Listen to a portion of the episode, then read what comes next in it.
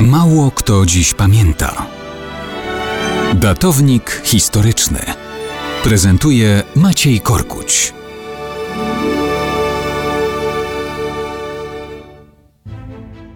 Mało kto dziś pamięta, że 16 marca 1745 roku urodził się Jean-Baptiste Carrier.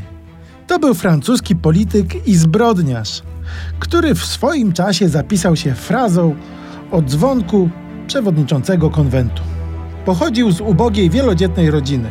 Jest przykładem człowieka, którego własne doświadczenia życiowe bynajmniej nie nauczyły wrażliwości na los innych. Był prawnikiem.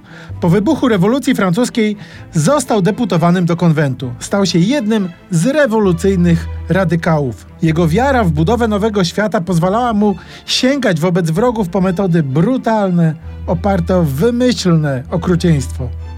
Głosował za zamordowaniem króla Ludwika XVI. Popierał pomysł utworzenia specjalnego Trybunału Rewolucyjnego. Został wysłany przez konwent do Normandii, a potem do Bretanii i Vendei. Tam wybuchło powstanie ludowe w obronie wiary katolickiej i monarchii.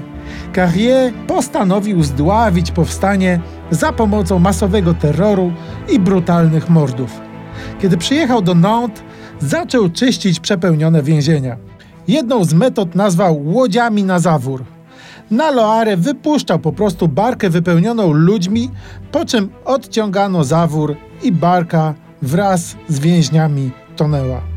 Carrier wymyślił także tak zwane małżeństwa republikańskie.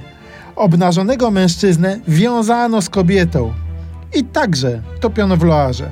Szczególny ubaw miał Carrier, kiedy tak traktowano księży i zakonnice. Oczywiście pracowała też gilotyna i plutony egzekucyjne. Żniwo jego zaledwie kilkumiesięcznych rządów w Nantes to co najmniej 3000 trupów. Carrier przedstawił też plan depopulacji Francji poprzez wymordowanie wszystkich, których misjonarze terroru uznają za nierokujących naprawy. Ale rewolucja pożera własne dzieci. Niedługo potem sam został skazany na śmierć. Kiedy przed konwentem bronił się, przypominał deputowanym, że jest niewinny, bo on samodzielnie terroru nie wymyślił. Tutaj wszystko jest winowajcą, łącznie z dzwonkiem przewodniczącego. Mówił, próbując się bronić, na próżno.